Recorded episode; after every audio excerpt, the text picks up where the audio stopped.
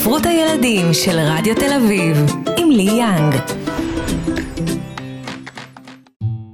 אמא של עלמה הביאה הפתעה. לכל הילדים קנתה סוכריה. סוכריה מתוקה מסוכר לבן, עם צבעי מאכל, חגיגה לכלל. אז עמליה קיבלה סוכריה כחולה, שיה סגולה, רפאל לבנה, ודני סוכריה על מקל רגילה. כל הילדים וכל הסוכריות יצאו לגינה. נשמע לכם מוכר? מזכיר לכם איזה סיפור מהילדות שלכם על בלונים? מי שלא נזכר עד עכשיו בספר מעשה, מעשה בחמישה בלונים של מרים רוט, כנראה לא גדל כאן ב-40 ומשהו שנה האחרונות, או שסתם לא היה מספיק מרוכז. מדובר בספר שמכר מאות אלפי עותקים במדינה שלנו, ספר אהוב שנמצא כמעט בכל בית. אז מה אתם חושבים? האם הספינוף שכתבתי לחמישה בלונים יכול גם להיות כזה רב מכר מטורף? שאני אתקשר עכשיו למו"ל ואציע אותו? לא יודעת, משהו אומר לי שזה לא רעיון טוב ולא בגלל עניין זכויות היוצרים. הרי רב מכר לא נולד סתם ככה משרבוב של עט על נייר, או שכן? פודקאסט ספרות הילדים של רדיו תל אביב, עם לי יאנג. והיום נדבר על רבי מכר לילדים. מכיוון שקראתי, שאלתי, התחננתי, ולא קיבלתי מאף אחד תשובה על איך אני או מישהו בכלל יכול לכתוב רב מכר, פניתי לספרים. אה, אני רוצה לדבר על שלושה ספרי ילדים שאני אוהבת במיוחד, כמובן ספרים שהם רבי מכר, ולנסות להבין למה הם הצליחו כל כך, וגם לחשוב האם מגיע להם. לסיום אנחנו נדבר עם יעל מולצ'דסקי, ראש מדור ספרות ילדים ונוער בהוצאת כנרת הענקית, ההוצאה הגדולה בארץ לספרות ילדים, על מה עושות ההוצאות הגדולות כדי ליצור ולמצוא רבי מכר חדשים. אז הספר הראשון שאני רוצה לדבר עליו, בהמשך לפתיח המקורי שלי, הוא מעשה בחמישה בלונים. אה, אני בחרתי אותו לא רק כי זה ספר קאלט שכולם מכירים, אלא כי באמת הוא אחד הספרים שמאוד מאוד עדיין נחקרים ומדוברים, ואפילו לאחרונה הייתה תערוכת אומנות על מהו הבלון האדום הזה. אתם זוכרים, הבלון בסוף הסיפור שהילדים מנופפים בשמיים ונפרדים ממנו, ויש שם, שם המון רגש. אה, הסופרת מרים רוט האהובה, אה, זה הספר הראשון שהיא כתבה, בגיל 64. אה, מרשים, אבל אני חושבת שהספר היה לה בראש הרבה לפני. היא בעצם תיארה מבחן שנקרא מבחן הילדים, שהיא לא המציאה, התגבשה כזו תיאוריה בשנות ה-60, שנקראת בעברית ביקורת תגובת הקורא, שאומר שצריך להתמקד במי שקורא או מקשיב לסיפור, כאן הילד, כדי להבין איך הסיפור מתקבל והאם הוא מוצלח. אז uh, מרים רוט באמת uh, הייתה גננת, והיא בחנה את הסיפורים שלה על הילדים, וכך גם היא כתבה את מעשה בחמישה בלונים. Uh, מידע מהתעשייה, הוצאת פועלים בהתחלה לא הייתה בטוחה בכלל שהיא תוציא אותו לאור. אני חושבת שזה ספר מאוד מאוד מיוחד. זו מעשייה, סיפור אוניברסלי. אנחנו לא יכולים לדעת מתי הוא נכתב, באיזה מדינה הוא נכתב, האיורים הם מאוד פשוטים ומאוד מזמינים אותנו להסתכל עליהם. וזה ספר שגם הורים אוהבים. אולי גם בגלל הנוסטלגיה, אבל אני חושבת שבאמת יש כאן המון, גם גלוי וגם נסתר. נעבור לסיפור הבא, אה, גם סיפור אהוב מאוד, אה, שנקרא הארנב הקשיב, מאת קורי דורפלד, שגם העירה אותו. אה, ספר שאם אתם לא מכירים, הוא על ילד שבנה מגדל והמגדל נהרס, וחיות מגיעות, כל חיה והתכונות שלה, כל חיה מנסה לעזור לילד להתגבר על החוויה. וכלום לא עוזר, עד שמגיע ארנב חמוד שפשוט מקשיב. ולכן אה, הספר נקרא ארנב, ארנב הקשיב, וגם ספר מאוד מאוד מצליח. אה, מניחה שעד עכשיו מכר יותר מ-100 אלף עותקים בארץ. אה, תהליך היצירה, אז הסופרת סיפרה שחבר שלה מהקולג' שאיבד את אחיו בתאונת דרכים נוראית, מצא מפלט בחוות ארנבים של המשפחה. הוא פשוט ישב ליד ארנבים והם הקשיבו לו. אז היא ישבה ועשתה סקיצות לסיפור ביום אחד, פשוט כתבה את הסיפור הזה, והיא אמרה, לא תיארתי לעצמי שזה הולך להיות סיפור רב-מכר בינלאומי שתורגם ליותר מ-18 שפות. אמ, גם הוצאת כנרת הישראלית קלטה את זה מאוד מהר. הם גם מספרים שתוך יום משהם קיבלו את האימייל עם הטקסט של הספר, הם כבר רצו לקנות אותו. ו- וגם זה, זה ספר של כולנו, גם אי אפשר להגיד מאיפה הוא, מתי הוא, ממה הוא, איורים פשוטים, אה, ממש ספר קלאסה, למרות שהוא נכתב רק לפני שלוש שנים. עכשיו נצא מהבלונים ומהארנבים ונעבור לספר לגמרי שונה, תפילילה, מי שלא מכיר את תפילילה, ספר שנמצא בהמון המון בתים, אה, שייך לסאב ז'אנר של אה, ספרי הלך לישון ילד, אוקיי? ספרים שמספרים לפני השינה. ודיברתי עליו עם, ה... עם אחת הסופרות, מאיה חנוך, שכתבה אותו עם מיכל אה, כהן חי, והיא סיפרה לי על החוויה שלה, על חוויית הכתיבה. בעצם מדובר בשתי נשים בחופשת לידה, שהיו מאוד מאוד עייפות, חברות טובות, ותוך כדי כזה הענקות והקימות בלילה, הם דיברו על הספר, כתבו אותו גם מאוד מאוד מהר. אה, זה מין כזה המנון מתמשך ללילה, גם יש כאן חזרתיות, אנחנו מאחלים לילה טוב לכולם, אני מניחה שהם פשוט רצו להרדים את התינוקות שלהם. והם אה, לא פנו להוצאה בהתחלה, הם הוציאו, הם עשו את ההפקה בעצמן. ואחרי כמה זמן הם כן פנו להוצאות, שוב, הספר נדחה, נדחה, נדחה, ובסוף התקבל על ידי הוצאת ידיעות אחרונות, ומכאן אה, השאר הוא היסטוריה. אה, מה שמעניין בספר הזה, שהאיורים הם, הם מאוד לא נורמטיביים. יש כאן אה, איורים גם לא עקביים, כל מיני צבעים, כל מיני פרטים. אני, בפעם הראשונה שראיתי את הספר הזה, מאוד הופתעתי, ואמרתי איך כאילו ילדים מתחברים לאיור כזה שהוא אפילו קצת מבלבל. אבל הבן שלי מאוד מאוד נדלק על זה. כאילו, כל פעם חיפש עוד איזה עקרב שמתחפר שם בחול, עוד איזה חיה, עוד איזה ילד. אמ, ממש אה, סיפור הצלחה לשתי הסופרות האלה, כמו שאומרים, אה, סיפור אה, מהאגדות. אז אחרי שדיברתי רבות על רבי מכר אני, אני רוצה להגיד שלום למישהי שהיא ספצית בנושא, יעל מולחג'סקי, עורכת ראשית של ספרות ילדים ונוער, בהוצאת כנרת זמור הדביר. שלום יעל. שלום לי. תודה רבה שהצטרפת אליי, לשיחה המרתקת הזאת על רבי מכר. והייתי רוצה בעצם להתחיל בשאלה של מה, מהו בעצם רב מכר? אמ, אז רב מכר זה בעצם ספר שמכר הכי הרבה ביחס לכל הספרים שיצאו אה, בתקופת זמן מסוימת ובמקום מסוים. אה, הרעיון הזה נולד ב-1895 אה, במגזין ששמו בוקמן בארצות הברית, והם החליטו לפרסם בעצם את רשימת הספרים הכי נמכרים בארצות הברית, הם חילקו את זה לאזורים אה, באותה תקופה, וככה זה התחיל. אחר כך ב-1912 אה, העיתון אולי במולות האמריקאית והעולמית הכי חשוב שנקרא Publishers Weekly, החליט לייסד רשימת רבי מכר משל עצמו, והוא גם טבע את המושג רב-מכר.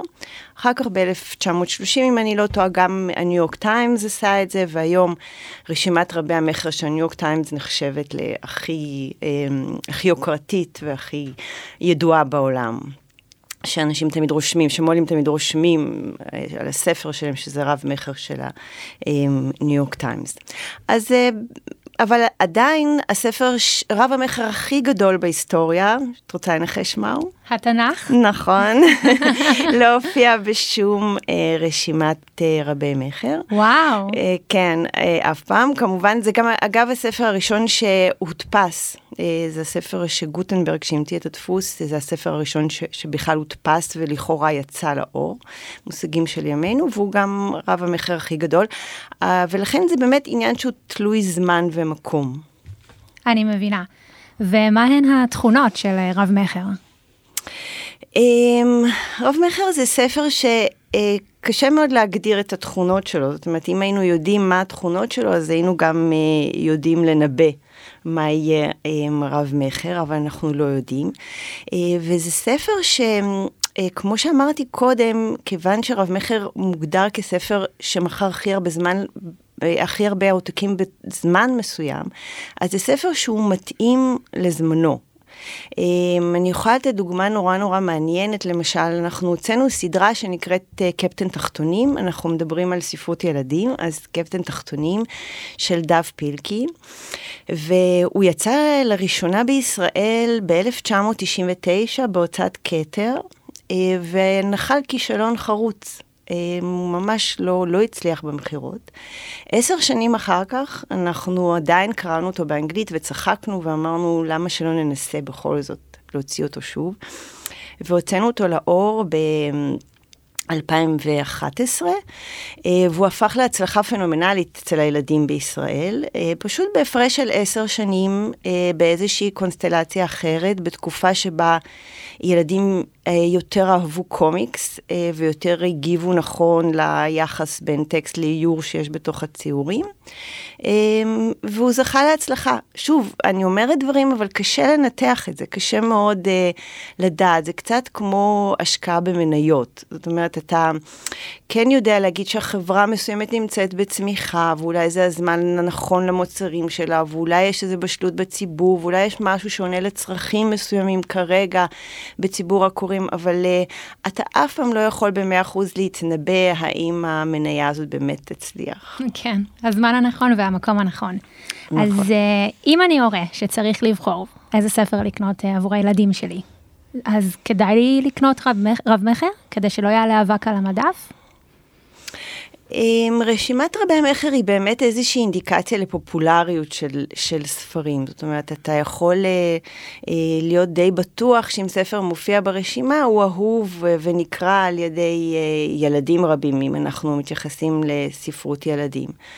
אה, ויש סיכוי מסוים אולי שהילד הפרטי שלך יאהב אותו. אבל אני חושבת שיותר נכון להתייחס לילד שלך, אה, לצורכי הקריאה שלו, לז'אנרים אה, שהוא אוהב, אם הוא אוהב קומיקס, אם הוא אוהב ספרות ריאליסטית, אם הוא אוהב ספרות פנטזיה, אה, ו- ו- ולהציג לו את הספרים, ולא ללכת אך ורק על פי רשימות רבי המכר. אוקיי, okay. וספרי לי קצת על איך שאתם מתנהלים בהוצאה. האם אתם תמיד תרים אחר רב המכר הבא, או שאולי יש גם רצון לספרי ילדים שיישארו בשוליים, so to speak?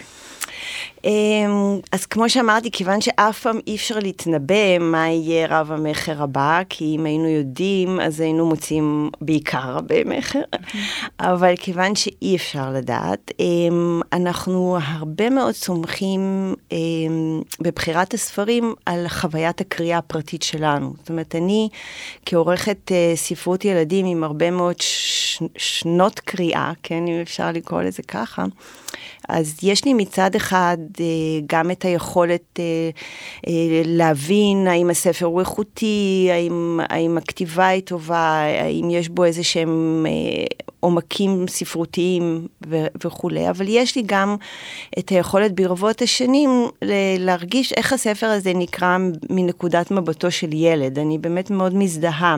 גם סופרי ילדים וגם, אני חושבת, עורכי ילדים חייבים להזדהות עם הילד, זאת אומרת, להזדהות עם נקודת המבט שלו, עם הראייה שלו של העולם, עם החוויות שלו. וכשאני קוראת ספר, אני נהנית כמו ילד, אה, ואם קראתי אותו ונהניתי בסופו, אז uh, אני רוצה לספר עליו, ואני רוצה לחלוק את חוויית הקריאה שלי לפני הכל עם האורחים והאורחות שעובדים איתי uh, בהוצאה, שקוראים יחד איתי את הספרים. ואני חושבת שאם יש לכולנו את ההתרגשות הזאת מספר, ומהחוויה שעברנו כשקראנו אותו, אם הוא הצחיק אותנו, אם הוא ריגש אותנו, אם היינו במתח, אם לא יכולנו לעזוב אותו ורק חיכינו לחזור אליו אה, בסוף יום העבודה, אז כנראה שיש שם משהו, וכנראה שגם הקוראים האחרים אה, בסוף הקריאה ירצו להעביר הלאה את חוויית הקריאה הזאת. כי בסופו של דבר, אה, רב מכר נוצר מפה לאוזן, ובכלל, אה, כל מאמצי השיווק האפשריים שהוצאה יכולה לעשות, לא משתווים לדבר הזה שנקרא פה לאוזן. זאת אומרת שקורא, סיים את הספר והתאהב בו ורץ וסיפר עליו אה, לחברים. אחד מרבי המכר הכי גדולים באמת בהיסטוריה הוא הארי פוטר כמובן של אה, ג'יי קיי רולינג. וזה היה ספרה הראשון, זה, זה היה ספר ביקורים שנדחה על ידי אה, הרבה מאוד מו"לים, ובסופו של דבר יצא בהוצאת בלומסברי, והעורך שלו, אה, ברי קנינגהם, באמת עשה לו קצת נפשות, אבל בסופו של דבר, בהתאם למסורת אה, בבית ההוצאה, הם הדפיסו בסך הכל 500 עותקים בהדפסה ראשונה, שזה מעט מאוד uh, ספרים, אבל מתוך ה-500 האלה, מפה לאוזן ומתוך חוויית הקריאה של ה... בעיקר של הילדים, um, הספר הזה הפך לאחד מרבי המכר הגדולים בהיסטוריה. מדהים, פה לאוזן, אה? ככה נוצרות כן. הקלאסיקות שאנחנו עדיין קוראים היום וקראנו נכון. בתור ילדים. זה גם מעניין לראות, אם מסתכלים למשל רשימות רבי המכר הראשונות של בוקמן, או בכלל הראשונות של Publishers Weekly, אה, זה כבר יותר ממאה שנה, אה, רוב ספרי, ה... רוב ספרי רבי המכר שמופיעים שם לא שרדו עד היום. וזה שוב עונה לעניין הזה שבאמת רב מכר הוא, הוא הרבה פעמים משהו שהוא נכון לשעתו. אבל מצד שני, כשמסתכלים על רוב הקלאסיקות ששרדו עד היום, רואים שהם התחילו כרבי מכר. אז אה, זה עובד משני הכיוונים. יעל, תודה רבה לך, זה היה מרתק. בבקשה, תודה לכם, תודה לי. ההמלצה שלי.